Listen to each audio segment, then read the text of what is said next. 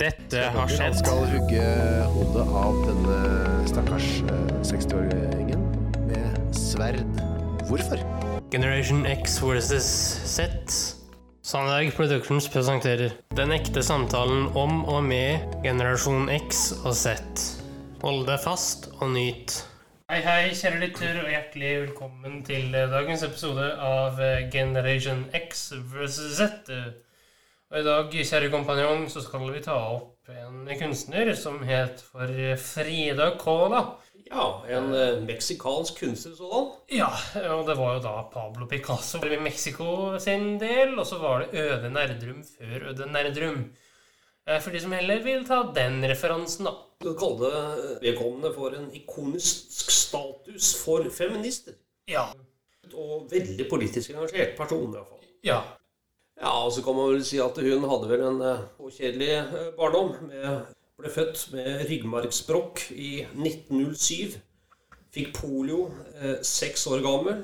Og for øvrig vært i en, ble skadet alvorlig, da, står det, i en bussulykke også. Så hun brukte da tiden mye på å lese kunst. ja. Så, og fikk også oppfordring faktisk fra foreldrene til å begynne å male.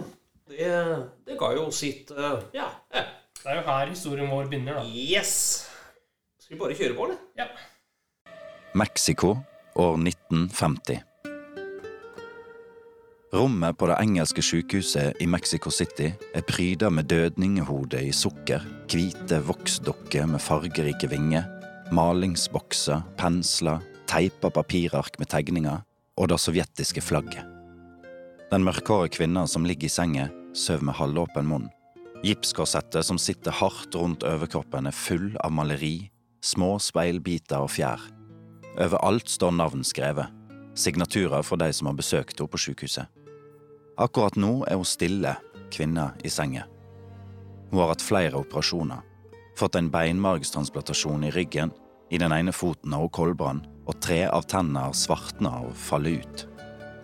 Fra korsettet stiger ei ekkel lukt, et sår på ryggen vil ikke gro.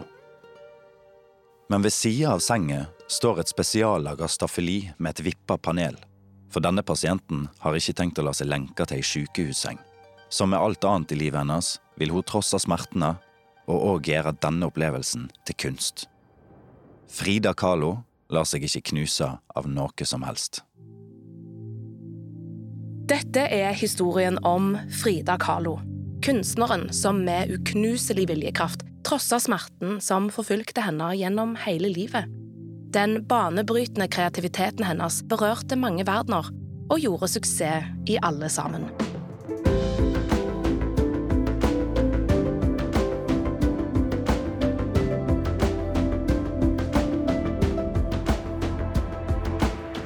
Du lytter til Historiske kjendiser med Alexandra Gjerpen. Frida Kahlos kunstneriske vilje lar seg ikke bremse. Mot alle odds maler hun. For det er mange barrierer for Frida Kahlos livsvei. Og hennes egen kropp er sannsynligvis den aller største. Livet til den meksikanske kunstneren er et brokete kart over eksperimentell kunst, kjendiser i vinden, brennende lidenskap og fysisk smerte. Innen hun når slutten av livet, har hun 143 malerier, minst 21 operasjoner, 28 korsetter og et ukjent antall romanser i bagasjen. Men det var nok ikke sånn hun så for seg at livet skulle bli da hun som ung speida framover. For tilværelsen så ut til å arte seg på en helt annen måte for den unge Frida Kahlo.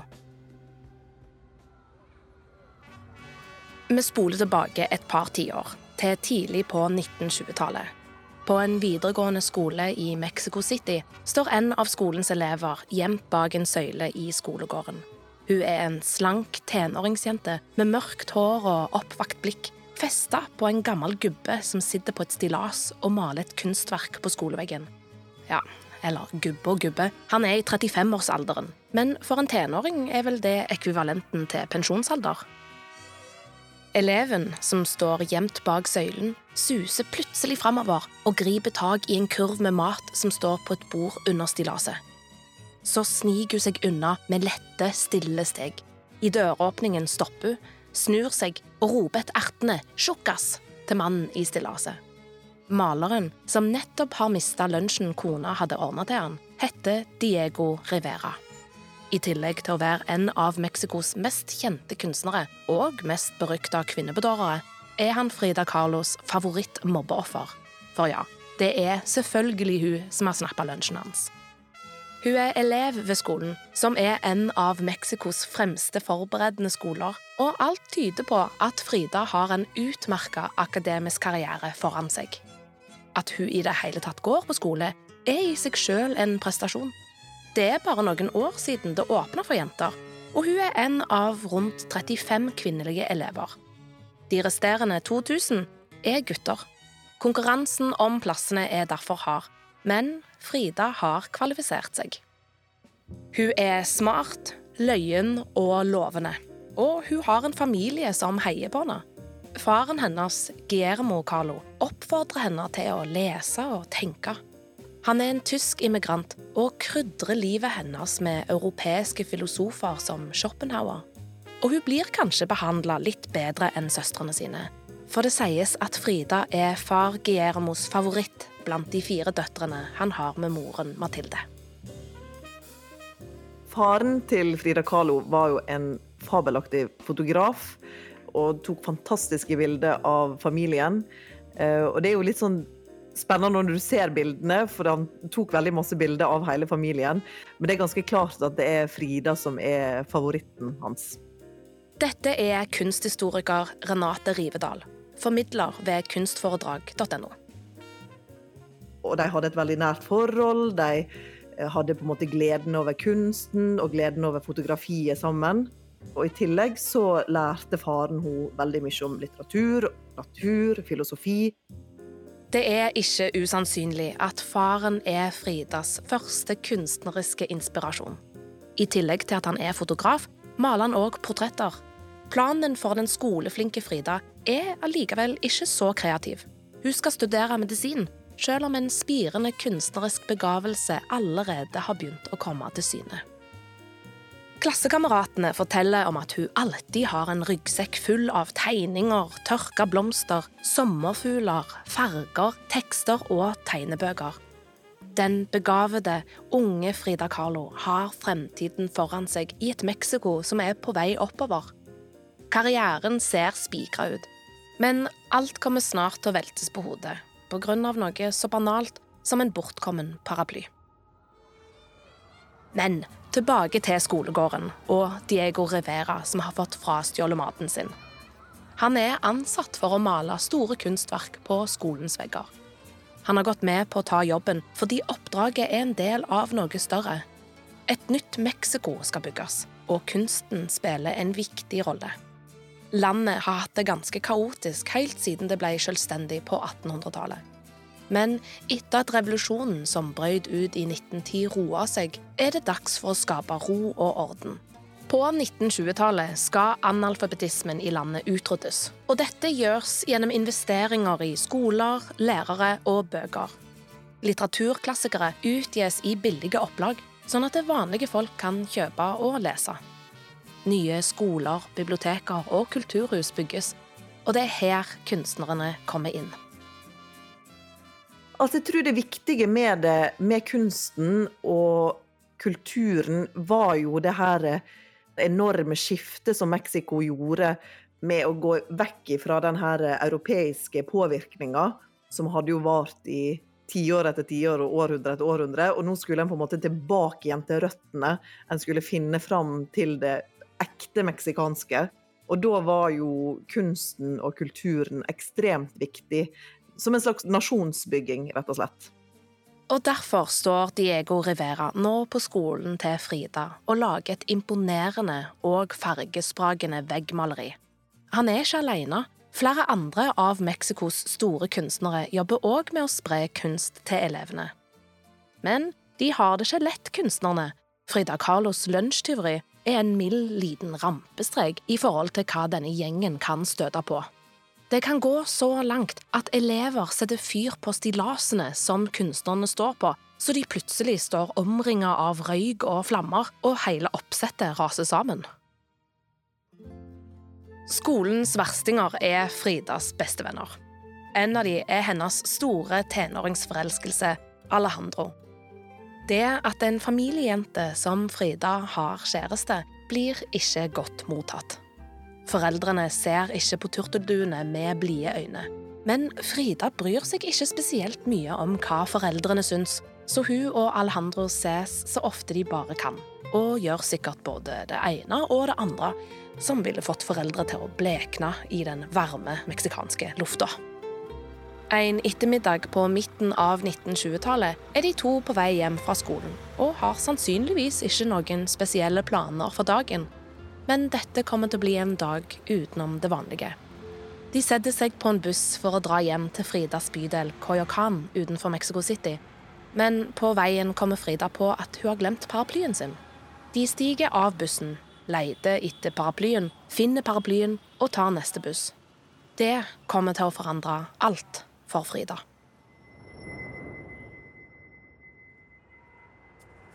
Mexico City, år 1925. Lengst bak i den lille bussen ler Alejandro av noe Frida kvisker han i øret. Rundt dem bråker den kaotiske Mexico City-trafikken, og bussen runder et hjørne ved Coatemozin og Cinco de Mayo. Kanskje ser den unge bussjåføren trikken som kommer rett mot dem allerede da, men det utgjør ingen forskjell. Trikken kjører rett inn i bussen, som langsomt blir most av krafta fra trikken. Den blir bøyd på midten til den knekker. Over den øredøvende lyden av skrik og drønnet fra kollisjonen daler det plutselig ned et gullkorn. Noen har hatt med seg en pose med gullstøv som virvler opp og legger seg som et skinnende teppe over den marerittlignende scenen. Alejandro klarer å reise seg, og i panikken og folkemengden leter han desperat etter Frida. Og så ser han henne. Hun ligger i en merkelig vinkel, dekka av blod.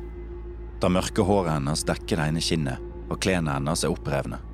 Og ut gjennom både blod og gull stikker ei jernstang som gjennombårer hele den 15-årige Fride sitt bekken. Frida Kahlo er bare en blodig og ødelagt haug. Ryggraden har flere brudd. Ribbein og kragebein stikker ut. Høyre fot er brista. Bekkenet er brukket, og en del av trikkens rekkverk har spidda gjennom det. Alejandro som vitner ulykken, er den som forteller om det i ettertida. Han bærer henne til nabobutikken, som selger biljardbord, og legger den søndagslitte kjæresten på den grønne filten til et av de. Han har jo sagt det her med det her gullstøv og det her at folk roper 'ballerina, ballerina'. For jeg trodde det var en danserinne som lå der med gullstøv over kroppen sin. Og det høres jo nesten litt sånn for, fant for fantastisk ut i all sin grusomhet. Så om det er sant eller ei, er jo vanskelig å vite. Ifølge Alejandro samles forbipasserende rundt henne. En mann som sikkert mener vel, insisterer på at jernstangen må trekkes ut. Det sies at Fridas skrik når stangen fjernes, drukner sirenene fra ambulansen som er på vei til ulykkesstedet. Vel fremme på operasjonsbordet jobber legene febrilsk. At hun skal kunne overleve en støyt av et sånt kaliber, vil være et mirakel. Tre måneder seinere er mirakelet et faktum. Frida Kahlo har blitt operert gang etter gang og jobba beinhardt for å komme tilbake til livet. Og hun lykkes. Comebacket er uten sidestykke. I motsetning til forventningene kan hun bevege seg og gå for egen maskin. Frida vil kunne leve et nesten normalt liv. Men normalt er ikke akkurat en passende beskrivelse for hvordan Fridas liv kommer til å bli, og ikke bare pga. skadene fra trikken. Om hun ikke allerede har begynt å se for seg en annen fremtid enn legeyrket, er det nok nå det skjer. For mens hun ligger i rekonvalesens og kjeder seg i hjel uten å kunne røre en eneste muskel i underkroppen, må hun ha noe å gjøre. Etter hvert så finner da foreldrene ut at de skal gi henne malesaker og et lite staffeli som hun kan montere fast til denne eh, himmelsenga som hun ligger i. Og så I tillegg så setter da faren opp et speil i taket, sånn at hun kan eh, se på seg sjøl. Frida likte jo kunst fra tidlig alder, Men det er nok ikke før den perioden der hun blir liggende, sengeliggende så lenge, at den virkelig store kunstinteressen starter. Ulykken innebærer livslang smerte. Frida beskriver det sjøl som om hun lever døende. Og døden kommer til å bli en konstant følgesvenn som vil få stor plass i kunsten hennes.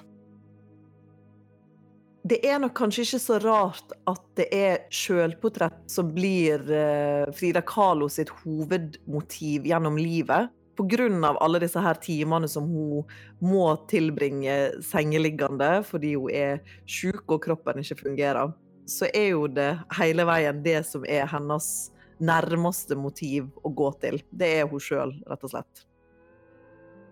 Og den der kunstneren, som Frida plagde og kalte for tjukkas, står nok en gang på toppen av et stillas. Denne gangen ved Mexicos kunnskapsdepartement. Og nedenfor står Frida Kahlo med favnen full av malekrukker og roper opp til han. Men denne gangen er det ikke for å plage han. Det har rukket å bli år 1928, og noen år har gått siden ulykken på bussen. Den bastante maleren snur seg rundt og titter ned på 20-åringen som roper at han må komme ned fra stillaset. Det er ikke første gang veiene deres møtes. Jo da, hun har kalt han tjukk og stjålet lunsjen hans, men de har faktisk òg møttes på fest. Med Mexico Citys kunstelite, som Frida har begynt å henge med. Dette er allikevel første gang de to møtes ordentlig. Frida Kahlo og Diego Rivera. Hun er 20 år, fortsatt en nobody, men en lovende kunstner. Han er 40 pluss, allerede en av stjernene på kunstnerhimmelen, og en notorisk skjørtejeger. Fra og med nå kommer livene deres til å bli totalt sammensmelta, og Frida vil en gang i framtida snakke om de to ulykkene som ramma henne i livet. Den første er trikken som knuste kroppen hennes. Den andre er Diego Rivera. Hun ber han om tilbakemelding på kunsten sin, og poengterer at hun er ute etter faktiske tilbakemeldinger, ikke smiger som skal få henne til sengs. Diego lystrer, studerer maleriene og blir mektig imponert. I hvert fall om vi skal tro sjølbiografien hans. Lerretene avslørte en uvanlig uttrykkskraft. En så ingen av triksene som ambisiøse nybegynnere vanligvis utstyrer kreasjonene sine med for å framstå som originale. De viste en sensualitet, full av vitalitet, supplert med en nådeløs, men likevel følsom evne til å observere. Jeg så tydelig at denne jenta var en ekte kunstner. Fridas inngang til det hele er litt mer praktisk. Sykehusregningene renner inn, og hun maler for å forsørge seg. Så hun sitter egentlig ikke med et inderlig ønske om å erobre verken kunstnerverden eller Diego, men hun kommer til å gjøre begge deler.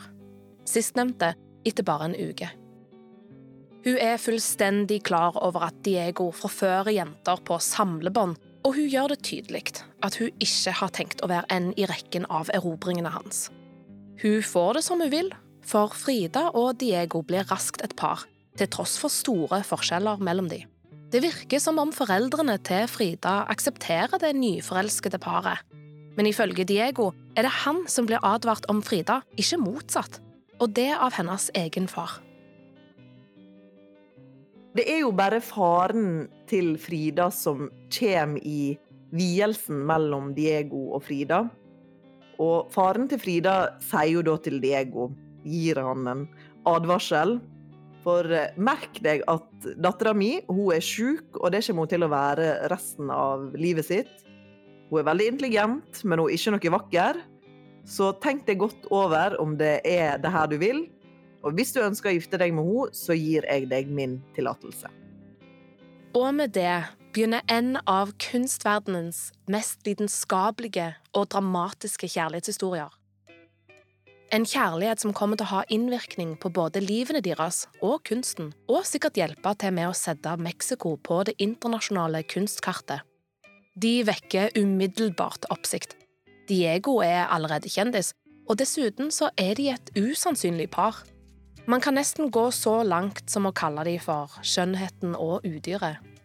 For der Frida passer inn i det tradisjonelle bildet av en vakker kvinne, symmetriske trekk, glansfullt langt hår, liten og smal, er Diego knapt en Picasso-versjon av en Disney-prins.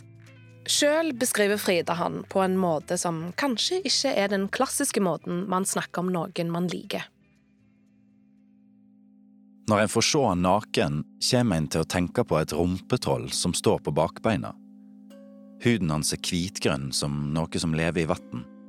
Det virker som om øynene prøver å trenge seg forbi øyelokkene, hovne opp som på et amfibium.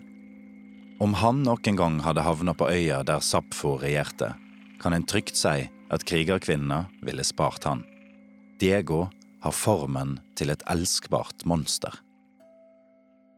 Et ekteskap mellom en elefant og en due, sier Fridas mor Mathilde, som ennå ikke virker helt begeistra for den nye svigersønnen. Det Mathilde sannsynligvis ikke vet, er at Diego blir en billett for Frida, rett inn i verdenshistorien. For med han ved sin side åpenbarer det seg helt nye verdener som det ville tatt lang, lang tid for henne å reise til på egen hånd, om det i det hele tatt hadde vært mulig. En verden de begge deler fra før av, er politikken. Kommunismen er både Fridas og Diegos ideologi, og det er de ikke alene om. Kommunismen har fått feste i store deler av Latin-Amerika. I fremtida kommer engasjementet deres til å sette søkelys på Mexico City og tiltrekke seg Josef Stalins tentakler.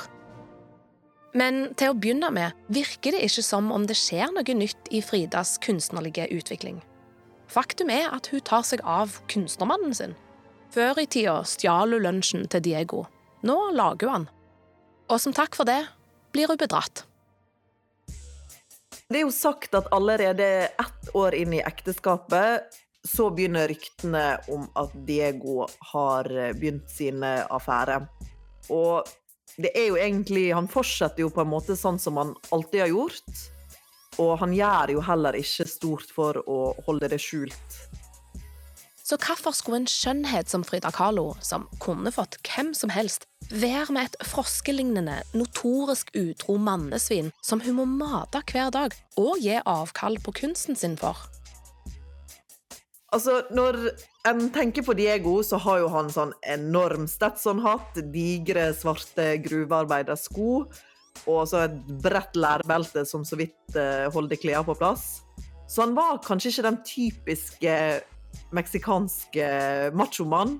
Så er jo jeg ganske overraska over hvor mye av forholdet deres som er ganske så tradisjonelt. Som det her med at hun broderer beskjeder til han og lager matpakke som hun kommer på, på døra med. Men det er klart at forholdet deres ble nok sett på som alt annet enn tradisjonelt med dåtidas øyne. De var bohemer med forhold på hver sin kant. Frida som røkte sigaretter og banna og drakk Tequila, så ble de nok sett på som veldig frie og ukonvensjonelle.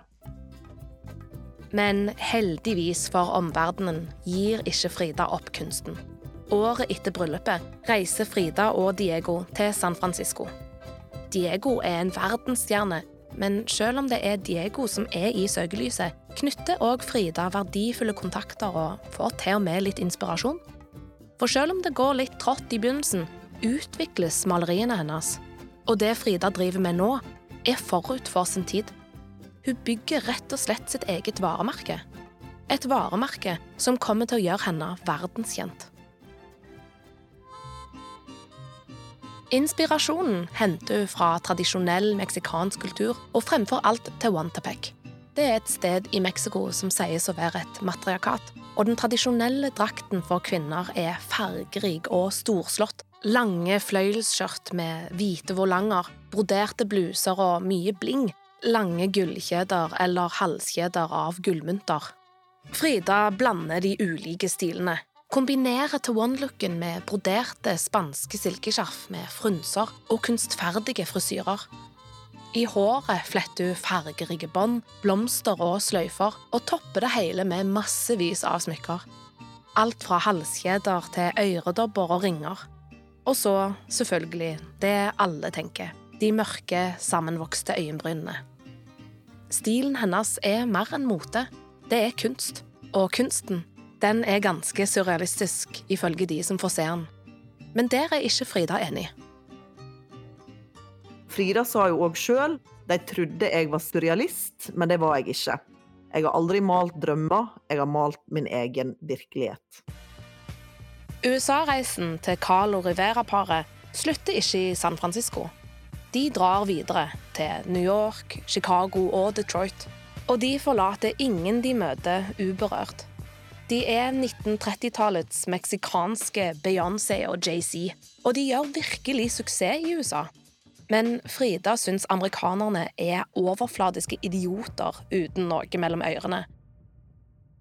I 30-tallets USA ruller kapitalismens hjul med full fart på tross av depresjonen, og i sterk kontrast fra det kommunistene Frida og Diego står for.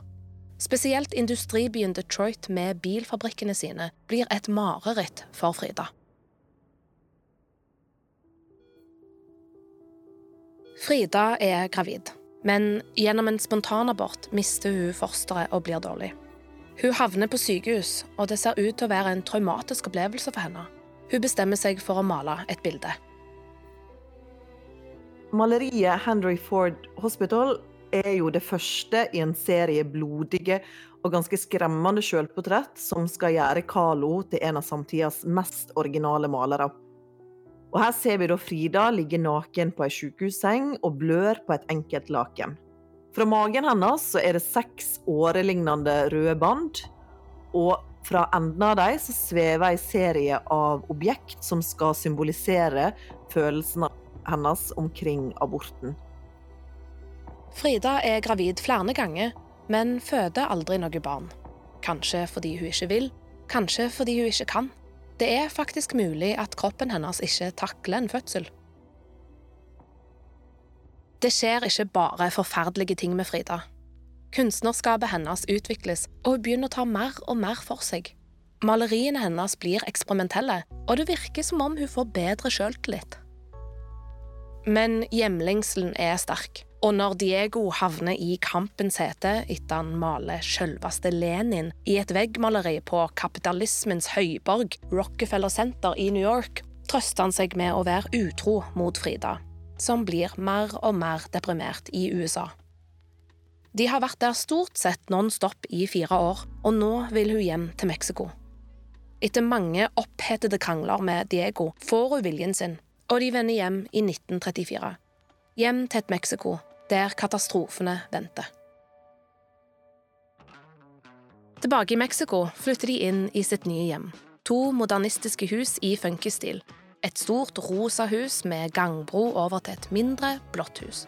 Og åpenbart er det store huset meint for det store kunstnergeniet, og det lille huset for den lille damen.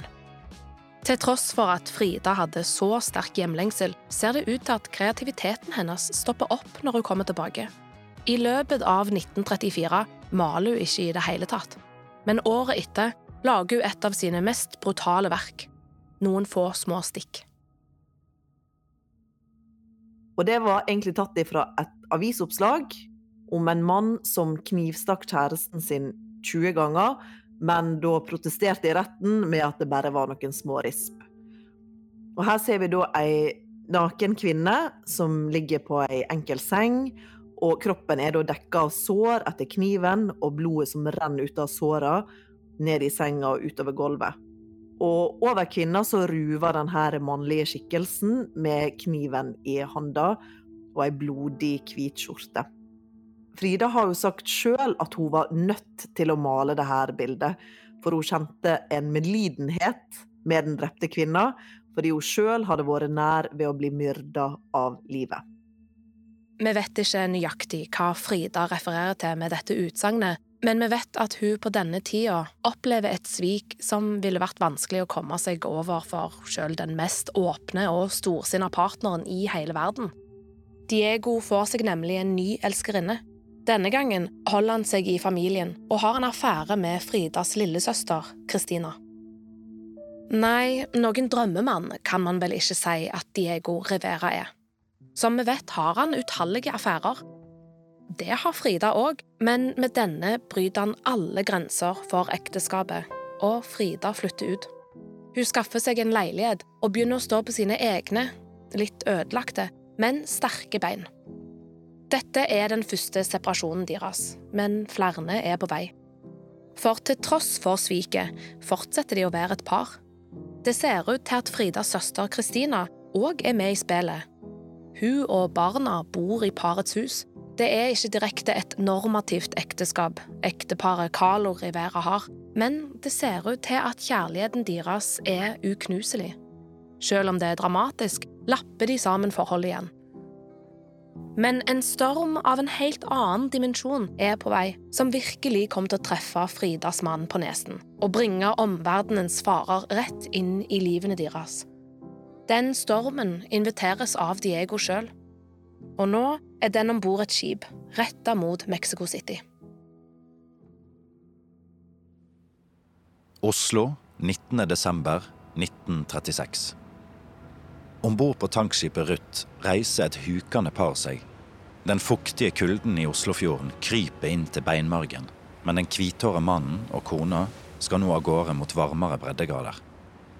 Trass i det årvåkne tilsynet er det noe strengt og kommanderende bak blikket og de runde brillene til mannen. Dette er en leder, en som forventer følgere. Men det er en leder uten et folk. For han og kona er på flukt, kasta ut av heimlandet. I ni lange år har de vært i eksil, og livene deres hjemme i Sovjetunionen har stort sett blitt utsletta. Stalin har tatt alt fra dem og knust hele deres eksistens. En skjebne de deler med mange andre som har kommet i veien for diktatoren. I land etter land har de fått avslag på asyl, for hvem vil vel ta imot en mann som har en dusør på hodet sitt, lyst ut av verdens mest berykta diktator? Men noen har kjempa for saken deres, kasta ut en livbøye, lova dem en trygg plass langt vekke fra leiemordere og torpedoer. Så legger det ikke så grasiøse skipet ut i det svarte havet og setter kursen sørover. Lev og Natalia Trotskij flykter nok en gang, og denne gangen blir den siste.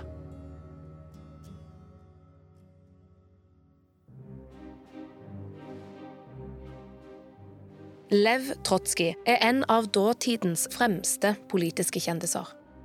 Han er en gammel revolusjonær fra det som en gang var Russland, men som på 30-tallet hette Sovjetunionen.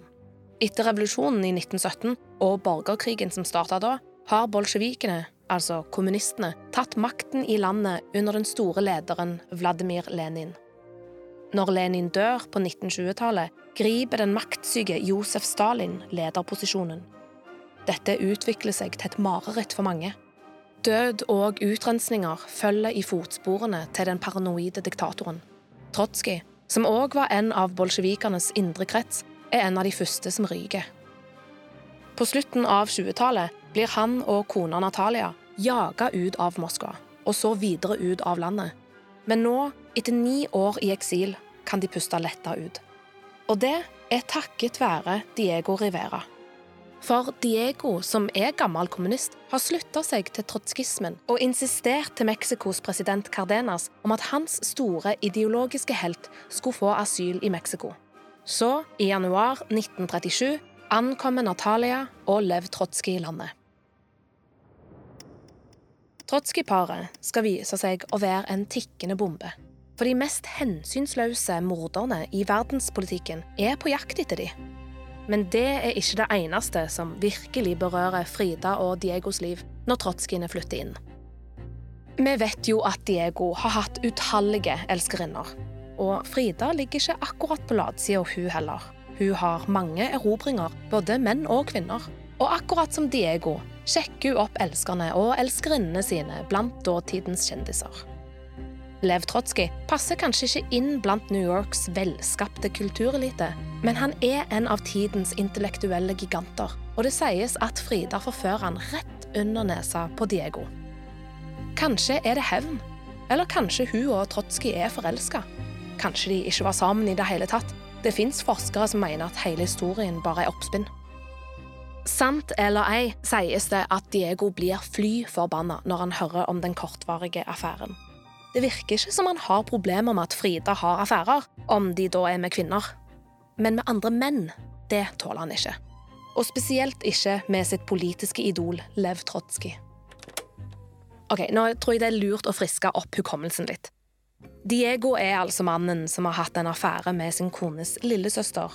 Og om det nå stemmer at Frida har vært med Trotskij, og at Diego blir sint når han får vite om det, altså virkelig dritpist, ja, jeg vet ikke, jeg. Vi må vel alle navigere våre egne moralske kompass, men det er vel kanskje litt dobbeltmoralsk.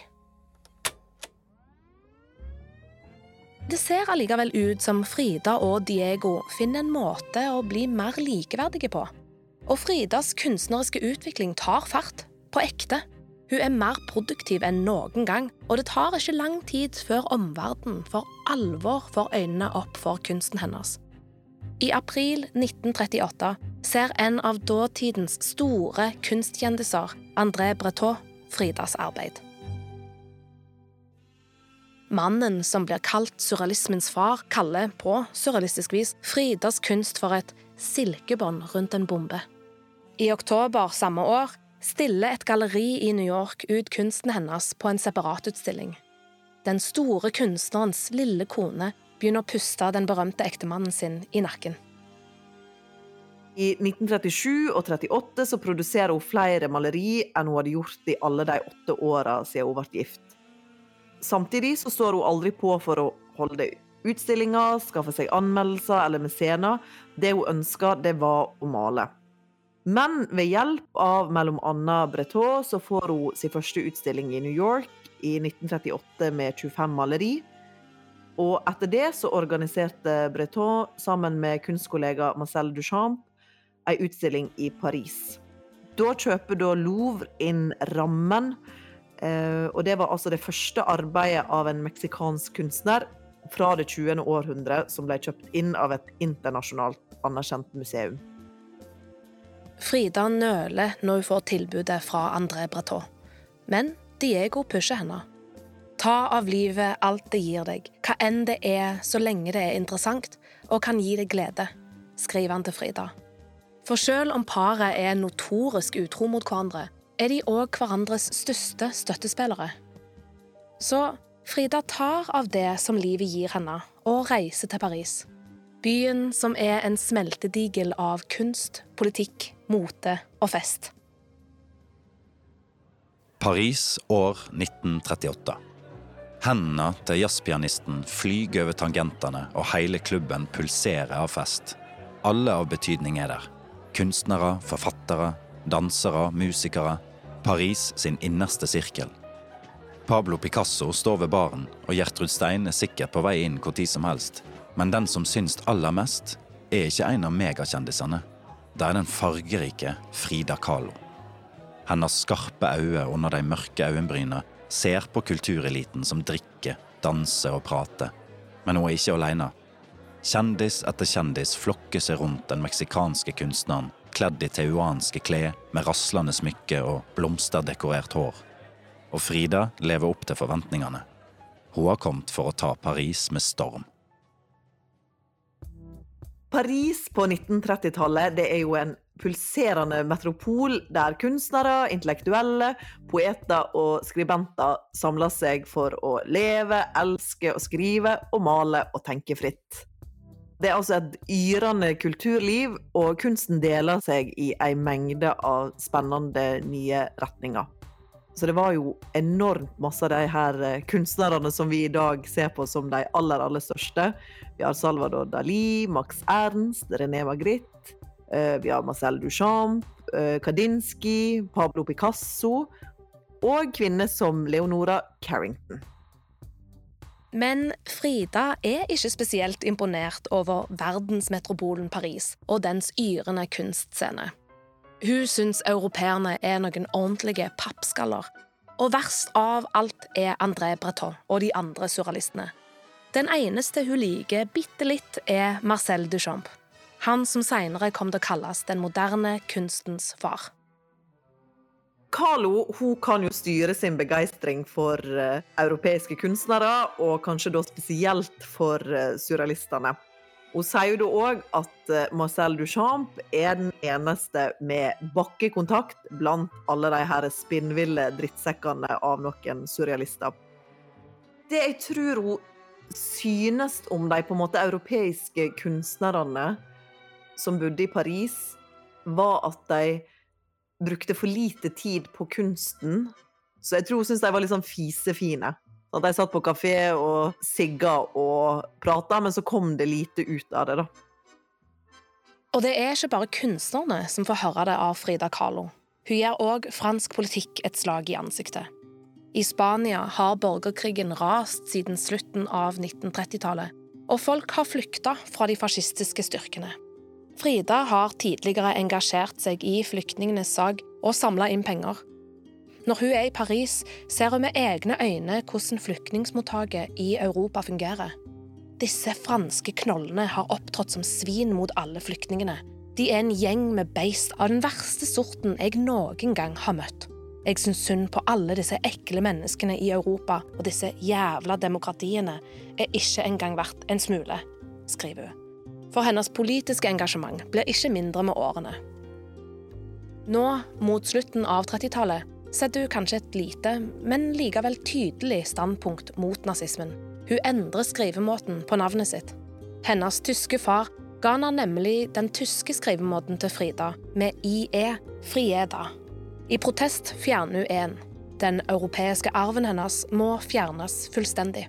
Men hun virker ikke spesielt opptatt av at ideologien hun sjøl bekjenner seg til, kommunismen, faktisk er like totalitær som hennes fascistiske motstykke. Like mye som Frida avskyr Paris, elsker byens kulturelite henne. Den nye kolleksjonen til den avantgardistiske motedesigneren Elsa Scaparelli er inspirert av Frida, og motebladet Vogue setter streken hennes på forsida. Og hun har det fortsatt bra, ser det ut til. Ryktene sier at hun tar fatt på det vakre klientellet i Paris med god appetitt. Det hviskes bl.a. om at hun har en het historie med den berømte danseren Josephine Baker. Og det er mange som vil ha en plass ved Frida Carlos side. En spesielt sta type med navn Ramón Mercader maser om at han vil henge med den berømte Frida Kahlo. I tillegg er han overbevist Trotskiist og har fått med seg at Frida kjenner Trotskij personlig. Ramón ønsker å bli med henne til Mexico og bli introdusert for sitt store idol. Men Frida er nølende til denne merkelige karakteren. Dessuten så har hun tatt avstand fra Trotskij både politisk og personlig, nå som forholdet er avslutta. Men Ramón Mercader er usedvanlig sta. Han gir seg ikke og jager etter Frida. Det er nesten som man skulle tro at han har en helt annen agenda.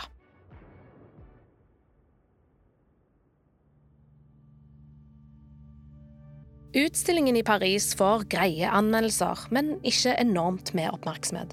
Kanskje er det pga. den spente situasjonen i Europa.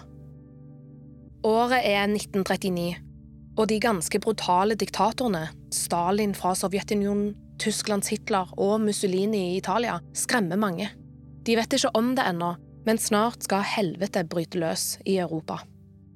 Støveltramp høres både her og der, og lyden av krig lurer rundt hjørnet og like etter utstillingen vender Frida nesen mot sikkerhet på det amerikanske kontinentet. Men hjemme venter bare nederlag og en nært forestående død. Tilbake i Mexico kommer Diego med et ganske sjokkerende budskap. Et budskap som skaper store avisoverskrifter. Diego og Frida, Mexicos mest kjente par, skiller seg. Og mens Diego drar til San Francisco, kommer smertene fra Fridas sammenlappa kropp, som har pint henne gjennom årene, krypende tilbake. Og det med en beskjed. Legene står i prinsippet med hendene bundet. Kroppen hennes er helt nedbrutt. Det er ikke noe mer de får gjort. Men det ender ikke bare med hjertesorg og sykdom. For stalkeren Ramón Mercader lykkes til slutt å snike seg inn i livet hennes. Og faktisk lykkes han i så stor grad at Frida inviterer han hjem til seg når han ankommer Mexico City. Men hun aner ikke hvem det er hun egentlig har invitert til å sitte i sofaen sin. Såpass kan jeg si. Ramón er ikke den han utgir seg for å være. Mexico City, august 1940. I hagen praler bougainvilliaen. Inne er det duka for teselskap. Lev Trotskij strekker seg over bordet og mottar artikkelen som gjesten hans, mannen som sitter overfor han, har bedt han lese. Han bretter ut papiret, retter på brillene, helter opp artikkelen og begynner å lese. Panna rynker når han konsentrerer seg, og han ser ikke ut til å ense at gjesten reiser seg og går sakte rundt bordet. Han ser heller ikke ut til å legge merke til at den besøkende har regnfrakken sin liggende over den ene armen, et merkelig klesplagg å bære med seg i den steikende meksikanske augustsola, og at han nå smyger hånda under frakken. Trotskij er fremdeles djupt inne i teksten framfor seg når Ramón Mercader trekker ut hånda, løfter armen og begraver Isako i hodet på verten. Det viser seg at Ramón Mercader verken er Carlo eller Trotskij-fan. Han er agent og leiemorder, utsendt av Stalin for å myrde Lev Trotskij. Den hvithårede ideologens år i eksil ender med en ishakke i skallen. Og Frida Kahlo havner umiddelbart i etterforskernes søkelys. Hun kjenner jo både gjerningsmannen og offeret. Hun har til og med hatt et ganske rotete forhold til den myrdede Trotskij. Men er Frida involvert i Trotskijs attentat? Carlo blir jo tatt inn for avhør av det meksikanske politiet for medvirkning på drapet av Trotskij. Både fordi at hun har møtt Mercader året før i Paris, og fordi at han etter hvert fikk jo folk rundt seg, inkludert eh, Frida, til å stole på han. Hun har bl.a. invitert eh, med seg drapsmannen hjem på middag, med Trotskij som middagsgjest. Men hun blir jo da etter hvert sluppet fri, og det er vel ingen grunn til å tro at eh, Carlo var delaktig i mordet på sin tidligere venn, selv om det selvsagt gikk sladder om både hun og Diego. Etter Trotskijs død, midt i Fridas fysiske plager som fortsetter å bli verre, vil Diego plutselig gifte seg igjen, omtrent et år etter at de skilte seg. Og tross at venninnegjengen roper nei med høye stemmer, og tross at Frida har innleda en relasjon med en ny, ung kjekkas, går hun med på det.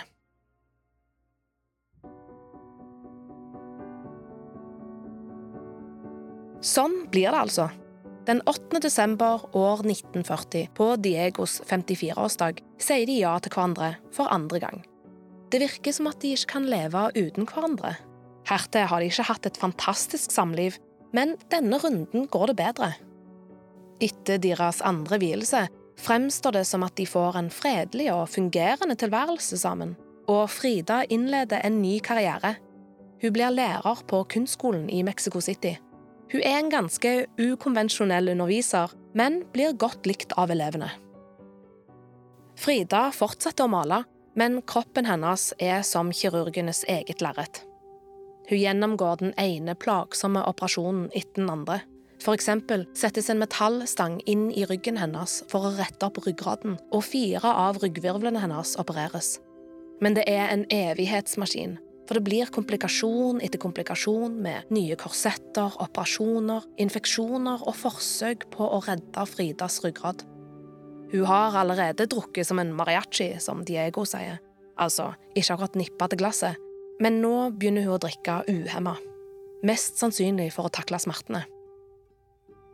Maleriet 'Den bråtne søyla' fra 1944 er et maleri som igjen har Frida sjøl i fokus. Vi ser eh, naglene som står inn i den nakne kroppen hennes, og så er det da ei kløft som om et jordskjelv på en måte har kløvd kroppen hennes i to. Og de to delene blir holdt sammen av et ortopedisk stålkorsett. Og inni kroppen hennes så er det da ei søyle der hennes uh, ryggsøyle egentlig skulle ha vært. Så det ser nesten ut som en sånn falleferdig ruin har inntatt kroppen hennes. Frida og Diego flytter inn i barndomshjemmet hennes etter at mor og far Carlo dør, og der isolerer hun seg mer og mer. Verden lå for Frida Carlos føtter, men hun orker ikke å traske rundt i den lenger. I stedet bygger hun sin egen, litt som ryggsekken hun bar rundt på som barn. Frida Kahlo er et ikon i sin tid. Og det har hun gjort seg fortjent til gjennom hardt arbeid. Hun har oppriktig utvikla kunsten sin og dedikert livet sitt til å male. Et liv som har tatt henne verden rundt, til både politikkens og kulturens sentrum. Men det fins ett mål hun ikke har oppnådd. En separatutstilling hjemme i hennes elskede Mexico. Og når det endelig holder på å skje, våren 1953, er det i siste liten. For den 46-årige kroppen til Frida er på vei til å gi opp. For Frida, som har kryssa verdenshav for å stille ut kunsten sin i Paris, er det ironisk at hun nå skal gå glipp av sin egen vernissasje på hjemmebane. For legene har forbudt henne å forlate sengen. Alt annet enn dvalemodus kan være livsfarlig for den nedbrutte Frida Kahlo. Men hun har ikke latt de fysiske plagene stoppe henne tidligere i livet, og har heller ikke tenkt å la de gjøre det nå. Museet for samtidskunst, Mexico City, år 1953. Støyet fra festen på galleriet blir overdøvet av sirenene som blir sterkere og sterkere. Gjestene på vernissasjen som flokker seg til vinduet, får se en motorsykkeleskorte som baner vei for Frida Kahlo sin mildt sagt spektakulære entré. Hun blir båret på båra rett inn i folkemengde og videre til midt inne i galleriet, der ei himmelseng står plassert. Et flirende skjelett stirrer ned fra sengen sitt speiltak. Hodegavlen er dekka av bilder fra Frida sitt liv. Så blir hun løfta, til begeistring fra gjestene, opp på de broderte putene på senga. Hun legger seg til rette, og når hun ser utover havet av gjester, ser hun akkurat ut som hun pleier, kledd i folkedrakt med frisyre som et kunstverk. I dette surrealistiske og ekshibisjonistiske tablået rundt Frida trenger gjestene seg rundt senga hun ligger i. Alle vil ha en bit av den store kunstneren. Trøttheten er tydelig i ansiktet hennes, men hun lar ikke det ta overhånd. Det fins bare én regissør til denne forestillingen, og det er Frida Kahlo sjøl.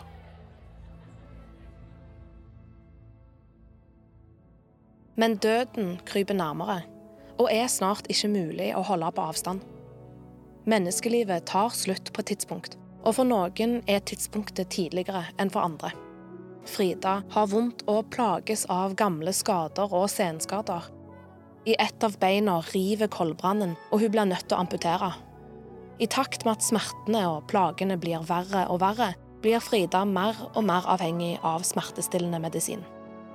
Dagen skumrer over i natt, og mørket faller over Frida Kahlo. Den 13. juli 1954, året etter at hun ble båret inn på vernissasjen i himmelsengen sin, dør Frida Kahlo. Hva det skyldes, vet vi ikke. Kanskje er det lungebetennelsen som bryter ned den allerede svake kroppen hennes. Kanskje tar hun ved et uhell en overdose av smertestillende. Kanskje er det selvmord. Kunstneren Frida Kahlo tar i hvert fall sitt siste farvel i barndomshjemmet sitt, med verden utenfor vinduet. Hun etterlater seg sin sørgende livspartner Diego Rivera og en udødelig kunstskatt. Frida Kahlos slående bilder reflekterer et innholdsrikt, men òg turbulent liv. I dag lyser Frida Kahlos kunstneriske stjerne sterkt. Den fargekledde kvinnen som trossa sine fysiske utfordringer, ble ikke bare et symbol på moderne kunst, men et symbol for hele Mexico. Du har lytta til Historiske kjendiser av og med Alexandra Gjerpen, Preben Hodneland, Ebba Sjølberg Eiring, Håvard Wist, Fredrik Vågenes og Cecilia Dyringer. Lydlegging Viktor Bergdal. Ja, litt av en reise og litt av en personlighet, Henrik. Ja, det kan man si. Å, herre med freden. Det må jeg si. Men hun må jo ha hatt en ekstremt sterk kraft i seg. Ja, du kan jo lære noe av det her òg, selvfølgelig. Ja, hva tenker du? Nei, altså, hvis man møter noen med skavanker, så bare si hei. Så enkelt er det. Er det noe mer vi skulle sagt, da, eller? Før vi begynner med mitt faste innslag? eller? Jeg tenker ditt faste innslag er eh, en god balanse i alt som vi har av podder, Henrik. Det er bra, det.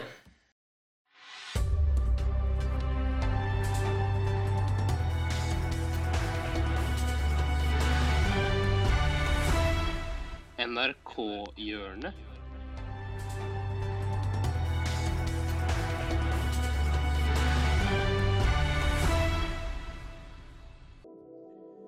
Eh, ja, i dag så skal vi eh, høre tvil om egen vits. Ok. Eh, den er uh, Ok. Ja, greit, det. Yes. Ja, jeg lurer på om dette kan være den saken om at i juni så presenterte regjeringen eh, det de sa var en historisk satsing på Forsvaret. Eh, Men nå viser det seg at de har eh, brukt noe sånt som 12 milliarder eller sånn mindre enn de rød-grønne. Eh, Men nå er det jo ikke eh, Frp og Høyre så opptatt av miljø som det, nei, forsvar som det SV er, da. Det var det ingen som skjønte noe av. Men, Men eh, bare ta den en gang til. men det kan ha noe med avleveringen å gjøre. Det kan ha noe med det, for jeg satt og tenkte på mens jeg sa at dette går jo ikke opp. Du begynte å tvile på din egen vits. For det så litt ut som et spørsmål. Så. Ja, men altså, Hva er det jeg sier nå? Dette er jo bare tøys. Det er det samme, Dette stemmer jo ikke. Det er jo bare vitsen. Altså. ja, det er samme som du skal sjekke opp en dame. Så må du gå fullt og helt. Du må ikke begynne å tvile halvveis. Skal du legge hånden på låret, så legg hånden på låret. Ja, ikke bare ta én finger på kneet. For det er litt sykt å. Ja. En, eh, en god balanse der, Henrik, både med, med Frida Kola og Ja, og eh, Kalna, Henrik. Eh, ja Balansens høydepunkt. Ja, tvil på egen politisk inspirerte vits. Ja. Tusen takk for nå, gutten min. Vært en fornøyelse. Tusen takk for at du fulgte oss. Gi gjerne tilbakemelding, likes eller kommentar på Facebook-siden vår Generation X versus Z. Velkommen igjen til neste podkastepisode. Hei då!